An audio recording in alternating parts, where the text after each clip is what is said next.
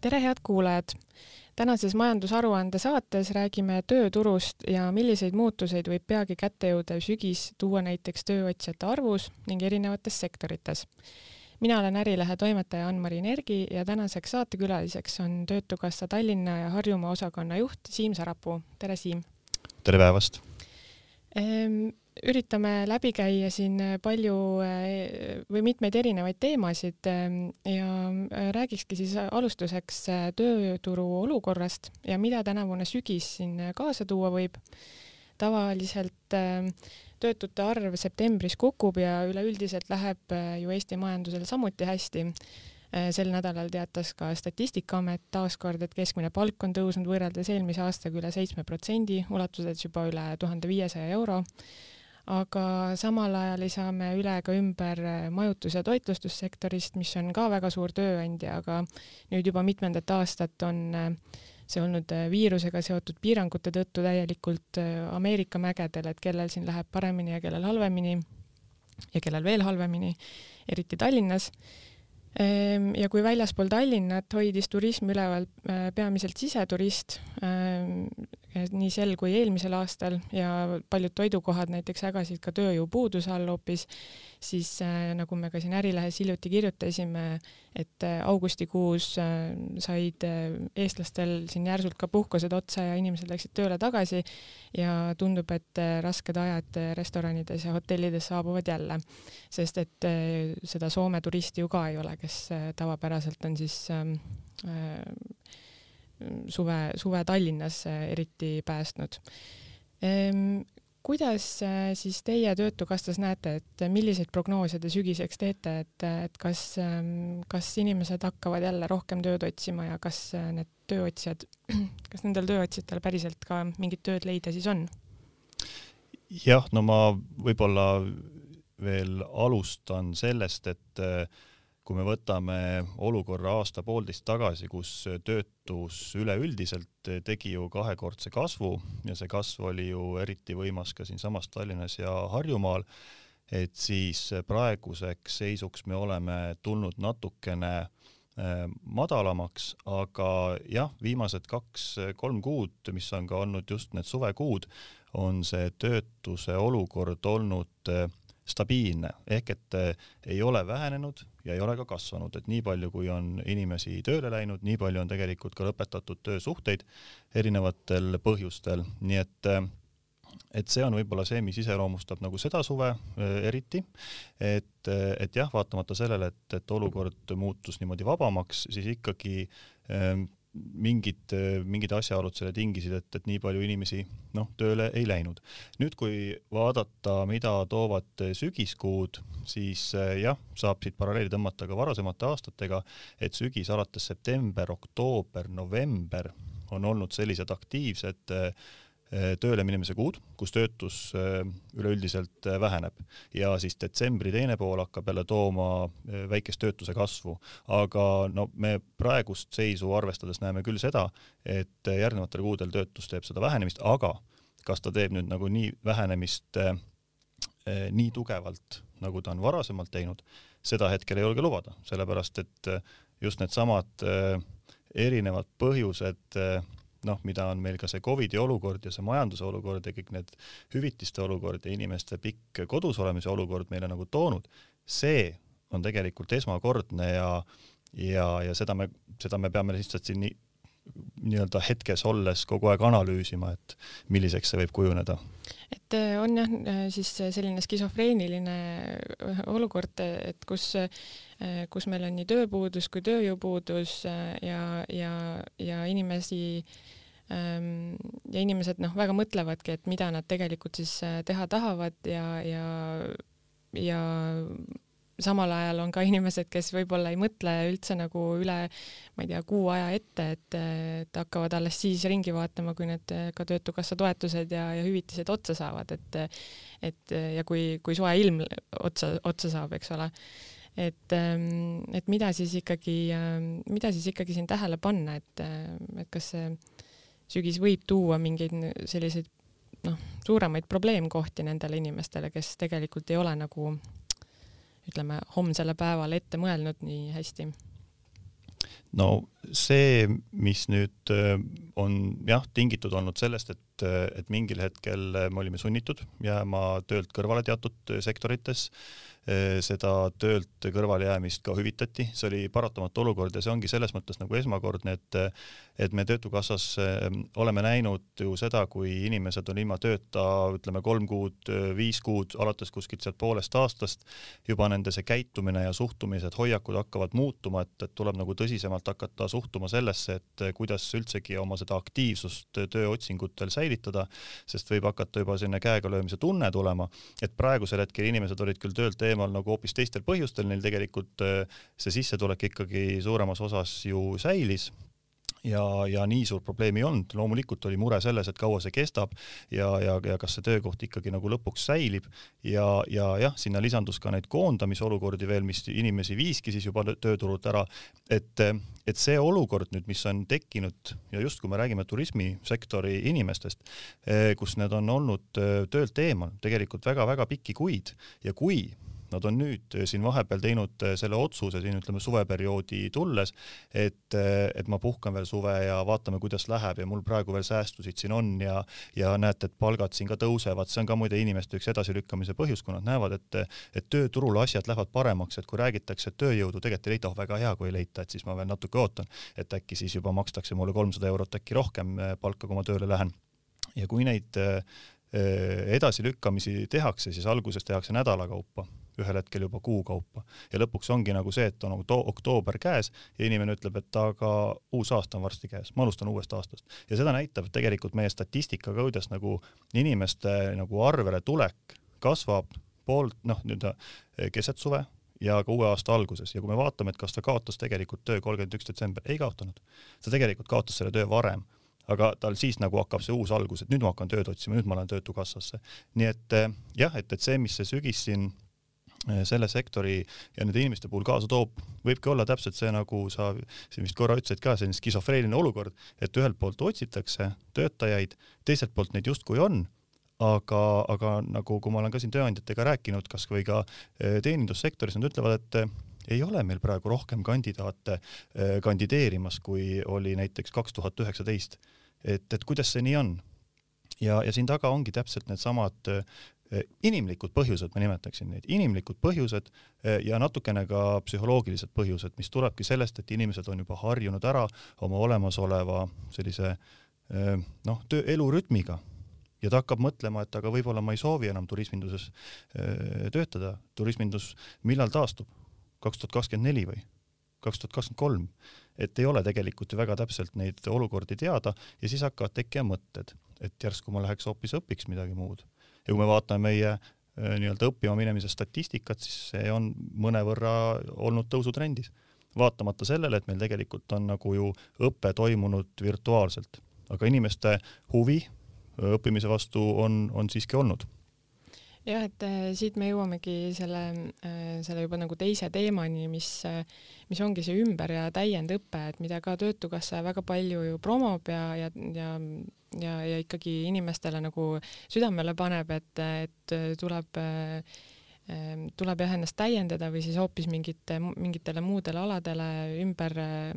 kvalifitseeruda, aga ma saan aru, et tegelikult siin ikkagi Töötukassa näeb ka, et, et võiks võiks palju rohkem ja palju aktiivsemalt äh, inimesi äh, kaasa tulla sellega, et, ähm, et, et, et et seda ümberõpet ja, ja neid koolitusi kasutavad ikkagi teatud hulk mingid sellised aktiivsed inimesed, kes kasutavadki alati kõiki koolitusi, aga kellel seda tegelikult vaja läheb, et need nagu ei jõua nendeni või? jaa, väga jah, väga õige tähelepanek, et paraku see niimoodi on ja noh, ma vist iga kord, kui see võimalus on, toon välja nagu selle äh, selle statistika, mis ei ole muutunud või isegi ma ütleks, et viimase, viimaste aastatega on muutunud natukene kurvemaks, et meie eh, tööd otsivatest klientidest eh, võiks öelda laias laastus nelikümmend, neljakümnel protsendil puudub erialane ettevalmistus. Neil on siis kas keskharidus või põhiharidus ja nüüd, kui me vaatame seda, et, et jah, nagu ma ütlesin, et koolitusele sisenemised on muutunud aktiivsemaks et siis see vastab, see, see nii ongi ja, ja, ja me tegelikult äh, võimaldame inimestele varasemast palju äh, vabamalt äh, keeleõpet, me võimaldame palju paremini erinevat arvutiõpet, noh, kõik need digi elementaarsed oskused, mis inimestel läheb vaja juba peaaegu igal alal ettevõtlusega on hakanud inimesed tegelema, jällegi üks väike põhjus, miks võib-olla ei ole kandideerimas, sest et mõned on otsustanud, et teevad hoopis oma ettevõtte, teevad äriplaani, vaatavad sinnapoole. aga mis puudutab nüüd jah, sellist nagu pikemaid programme ja, ja erialaõpet, siis eh, seal on nüüd küll seda vajakajäämist ja see on see koht, kus eh, tõesti Töötukassa karjäärikeskus, Tartu maantee kaheksakümmend D, Fale mäel, mis on, meil on avatud alates eelmise aasta sügisest, küll vahepeal klientidele jälle tulenevalt piirangutega kinni. Ja, ja üldse Töötukassa poole pöördumine isegi, isegi siis, kui ei ole hetkel töötuna registreerunud, et, et pidada aru ja teha valik nagu sellise korraliku õppeprogrammi osas, mitte läbida neid ühe-kahepäevaseid, arvates, et kaks päeva äh, mingit, ma ei hakka koolitusi nimetama, sellepärast et see ei oleks õiglane, aga kaks päeva mingit koolitust ja ma olen spetsialist, noh, tegelikult ei ole, seda saab lubada endale just spetsialist. eks, et kui ma olen spetsialist, siis ma teen kahepäevase täiendõppe, ma laon seda sinna enda baasi peale. aga see, et ma hakkan terapeudiks, kui ma olen käinud kolm nädalat kuskil koolitusel, noh, see ei ole see. ja, ja meil on partnereid, kes koolitavad ju üle viiesaja ja arusaadav, see on turg, eks koolitaja loomulikult, eh, kui talle raha pakutakse, ta võtab selle vastu ja ta annab endast parima, aga teiselt poolt eh, peavad need inimesed kuhugi tööle minema. ja vot siin on see konsulteerimine eh, karjäärinõustajaga või enda, enda isikliku nõustajaga kindlasti oluline ja natukene ringi vaadata, et mitte tormata kohe esimesi koolitusi valima. et meil jah, see, see, see nelikümmend protsenti, kellel puudub erialane ettevalmistus, ikkagi, ikkagi hakkaks vähenema et inimesed äh, mingisugusegi sellise äh, ettevalmistuse saaksid, et äh, kui nad tööturule lähevad, sest et muidu jäävadki neile need põhilised töökohad, mis on selline väljaõpe siis koha peal. mis see nelikümmend protsenti arvuliselt tähendab umbes? noh, kui me võtame kogu Töötukassa seal kuskil no või võtame kasvõi siit Tallinna-Harjumaa näite, et me oleme kakskümmend seitse tuhat oli meil tööotsijaid, kus oli hetkel nüüd tipp eelmisel aastal ja nüüd me oleme jõudnud sinna kuhugi kahekümne kolme tuhande peale, nii et noh, me saame öelda selline võib-olla üksteist tuhat, mm. et päris niimoodi. üle kümne tuhande inimese, kellel ei ole jah. sellist äh, head nagu sihti. jah, kellel on ja loomulikult sinna nende inimeste ja hulka. see on ainult Harjumaal see on ainult Harjumaal ja, ja et sinna jäävad kindlasti need inimesed, kes on läinud õppima, on pooleli jäänud mm. -hmm. ehk et noh, formaalselt neil puudub eh, eriala kas kutsekoolist või kõrgkoolist eh,. noh, mitteformaalselt nad on võib-olla õppinud ja nad siis noh, näiteks eh, jah, on siis töötanud sellisel kohal, kus, kus seda tõenäoliselt ei, ei olegi nagu vaja olnud otseselt. ja kogu Eesti peale võib neid siis ollagi paarkümmend tuhat, eh, kes eh, kellel ongi jah, siis võib-olla põhiharidus ja, ja, ja kellel ongi raske leida mingit, mingit siukest, väljaspool Tallinnat võib-olla veelgi raskem leida, onju, seda. just, ja, ja, ja, ja aga see on nüüd need, kes tööd otsivad, nende seas on see protsent mõnevõrra kõrgem. et see, see on jah, mõnevõrra ka seletab seda, et, et miks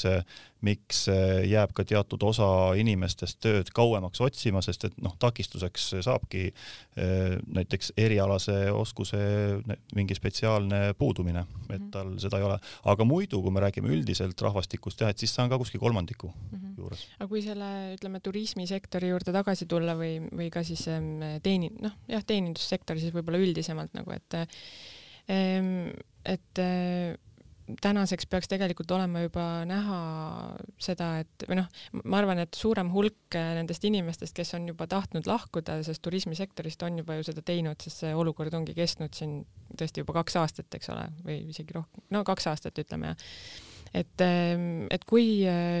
kui kerge või raske ikkagi on sellisel teenindajal, ütleme, kes ongi võib-olla hotellis töötanud, on ettekandjana töötanud, et, et leida mingit sellist teist tööd kui tal ei ole parajasti mingit ametit õpitud, et kui kerge või kui raske, see, see on hästi, sõltub, sõltub hästi palju sellisest nii-öelda selle inimese individuaalsest taustast, tema soovidest, noh, mida mina saan nagu siit meie igapäevase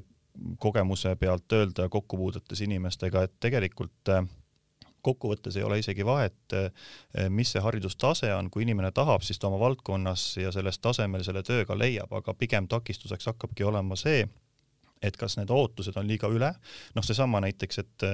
et tal puudub erialane haridus, ehm, ta saab kandideerida töödele, kus ei nõuta seda, aga palka makstakse näiteks noh, oletame, toome lihtsalt näite kaheksasada eurot, aga tema ütleb, et aga teate, ma lugesin just uudist et, et seitse koma kolm protsenti keskmine palk tõusis ja Tallinnas Harjumaal on juba keskmine palk tuhat seitsesada ma ei ela üheksasaja euroga ära, noh, et, et tegelikult tekivad sealt nagu need kohad, aga samas me näeme inimesi, noh, ma ju eh, kirjutan ka need palgatoetuse lepingud näiteks, mis me teeme tööandjatega, kes võtavad inimesi tööle, et tegelikult lähevad ka tuhande ühesaja euroga inimesed tööle, kui üheksasaja euroga, lähevad ka tuhande viiesaja euroga. Ja, ja nende haridus ja see taust on, on erinev, nii et noh, me ei saa nagu päris seda öelda, et kui sul puudub erialane haridus, et sa tööd ei saa, sa saad, aga küsimus ongi selles, et kas sul on mingid suured kohustused, näiteks seesama turismisektori eh, näide võib-olla on kindlasti omal kohal, sest et eh, kui inimene seal töötas kümmekond aastat, ta oli väga väärtuslik töötaja, tal olid omad kompetentsid selles valdkonnas olemas, nüüd see töö kadus ära, enne talle maksti nende kompetentside põhiselt, eks ole, kus tema kogemus, tema võib-olla võrgustik määras väga palju aga nüüd, kui ta kandideerib tööle mõnes teises äh, sektoris, siis ta tegelikult alustab ju nullist ja nullist alustanutel on nullist alustanute palk. ja, ja kui see tööandja hakkaks nüüd maksma sellele inimesele kõrgemat palka, siis ta tekitaks ju ebavõrdse olukorra juba seal sektoris töötavate inimestega. nii et see on selle ümberõppe puhul, just sellistes kolme-neljakümnendates, viiekümnendates inimeste puhul see, mida tuleb kindlasti arvestada, et jaa, mul on kogemus, ma arvan, et ma tean kõike, aga selle tööandja jaoks on see inimene tegelikult ikkagi ju nii-öelda roheline, eks, algaja. ja jah, ta oma kogemuste pagasi pealt võib nagu kiiresti teha seda arengut, eh, aga ta peab arvestama sellega, et ta ei saa seda palka, mida ta varem sai. ja see on minu arvates see koht, et kui nüüd öeldakse, et miks, eh, miks inimesed eh, noh, tööd ei leia, siis ongi see, et, et nad võib-olla löövad käega, ütlevad, et ma ei lähe, nii vähe makstakse, aga keegi ei hakkagi rohkem maksma sellepärast et ta jääbki algajaks, kui ta tahab minna uude valdkonda. muidugi on üksikuid näiteid, kes ütlevad, et näed, mina sain, sest et keegi tuttav mind teadis ja mul on noh, et mind teatakse, et loomulikult see on, see on see nii-öelda, e, et, et kelle kohta käib teave temast ees. häid töötajaid tahetakse alati. et ma ei usu, et head kokad, kes,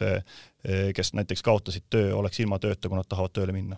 et head inimesed saavad igal ajal head palka heades ettevõtetes aga need, keda ei teata ja need, kes alustavad nullist, ilma et tal oleks taustainformatsioon, nemad lihtsalt peavadki arvestama sellega, et nüüd on jälle uus algus. ja nüüd tuleb hakata jälle üles ehitama kolm-neli aastat, enne kui jõu-, noh, jõuda mingisugusele eh, tasemeni, kus see, kus see palk juba on sellise valdkonna ja sektori keskmine. et see võib kõlada kuidagi väga nagu noh, mitte meeldivalt, aga see on reaalsus, see on see, mida me, eh, mida me näeme ja see ongi see suhtumise koht, et kas ta võtab selle uue alguse ette või ta lööb käega, ütleb ei, sellise palgaga ma tööle ei lähe ja aasta on möödas ja siis vaatab tööandja juba, aga miks ta aastaga pole tööle saanud. igaks juhuks ma teda ei võta siia intervjuule. ja, ja, ja jällegi, see on reaalsus. Et ähm, kindlasti on selliseid inimesi ju igal ajal, et seda ei saa seostada ka ainult selle koroona, koroona ajaga vist siin on ju, aga. ma seda tahan öelda, et koroona ajaga äh, praegu rohkem sellepärast, et see olukord on esmakordne, kus inimesed on nii pikalt olnud eemal -hmm. et neil on tekkinud see tunne, et äh, äkki teeks midagi muud see on eh, teistsugune, aga loomulikult see, see baas on nagu igal ajal, aga just see koroona olukord on pannud meil väga palju inimesi teatud selles sektoris nii pikka aega eemal olema ja oma mõtteid mõtlema oma tuleviku osas ja, ja, ja pannud tegema neid otsuseid ja, ja see lihtsalt toob selle kaasa, et, et see tööturule nagu tulek, et justkui meil suveks tuli töökohti, jälle tüüpiline, kuidas osad inimesed on mõelnud, noh, aga see on ainult kaheks kuuks siis tuleb september, ma kaotan jälle töö, aga mis ma hakkan minema, suvi on soe, ma istun parem, ootan siin rahulikult, valmistan ette, võib-olla lähen mõnele koolitusele, oktoobris lähen tööle mm. -hmm. et ma just mõtlesingi selle koroona ajaga, et, et noh, et see sügis lihtsalt ma tüüringi jälle sinnapoole, et tuleb küll sügis, aga see sügis ähm,, eks me kõik oleme natukene sellised ootusärevad jälle, et et mis, mis siin tegelikult saama hakkab, eks ole, et kas, kas jälle see nakatumised lähevad üles, kas jälle tuleb midagi kinni panna kuskil või, või kuidas, kuidas sellega nagu hakkama saada, onju, et eh, kas Töötukassal on ka mingisugune plaan selles mõttes olemas, et, et ähm, kui peaks nüüd jällegi korduma või, või mingil määral korduma need, need stsenaariumid, mis siin on juba korduvalt läbi käinud, et ka need töötutoetused ja asjad, et, et, et kuidas, kuidas Töötukassa valmistub selleks ajaks? ja see on väga hea küsimus, et me valmistusime juba eelneval perioodil, kui oli näha, et see töötus teeb kõrge kasvu ja noh, siin ütleme Tallinnas ja Harjumaal, kus oli näha, et see kasv tulebki kõige kõige jõulisem, me tegelikult olime valmis äh, töötuse tipuks kolmkümmend kolm tuhat töötut. me jõudsime, nagu ma ütlesin, sinna kuhugi kahekümne seitsme tuhande juurde. nii et väike varu meil oli veel sees ja see tähendab seda, et ega me praegusel hetkel ei ole lasknud ühtegi nii-öelda rihma selle poole pealt lõdvemaks, et see valmisolek. Ja, ja ütleme nii, et, et see peaproov ja läbiharjutamised on tegelikult ju tehtud, et meie teenused ju ei peatunud. Et mis peatus selleks ajaks, olid võib-olla mõned grupiteenused, mis pidid füüsiliselt kohapeal olema, aga koolitused tegelikult ei näidanud üldsegi mingit sellist eh, otsest langustrendi või kui ka korraks näitasid, siis taastusid päris kiiresti ja täpselt samamoodi ka see inimestega eh, suhtlemine liikus, eks ole, telefoni teele, liikus ütleme e-kanalitesse ära, nii et eh, jaa, see, selle poole pealt, mis puudutab nagu nüüd et eh, kui peaks töötus kasvama aasta lõpus, nüüd tulema ka tõesti siin selline e, e, nii-öelda ettearvamatu töötuse kasvu koht, et siis see, selleks me oleme praegu jätkuvalt valmis. Kuigi usume, et ikkagi see nii-öelda majanduse kinnipanemine sellises mastaabis kindlasti enam noh, ei, ei tule. -hmm. et see, see lihtsalt ei saa ka toimida, jah.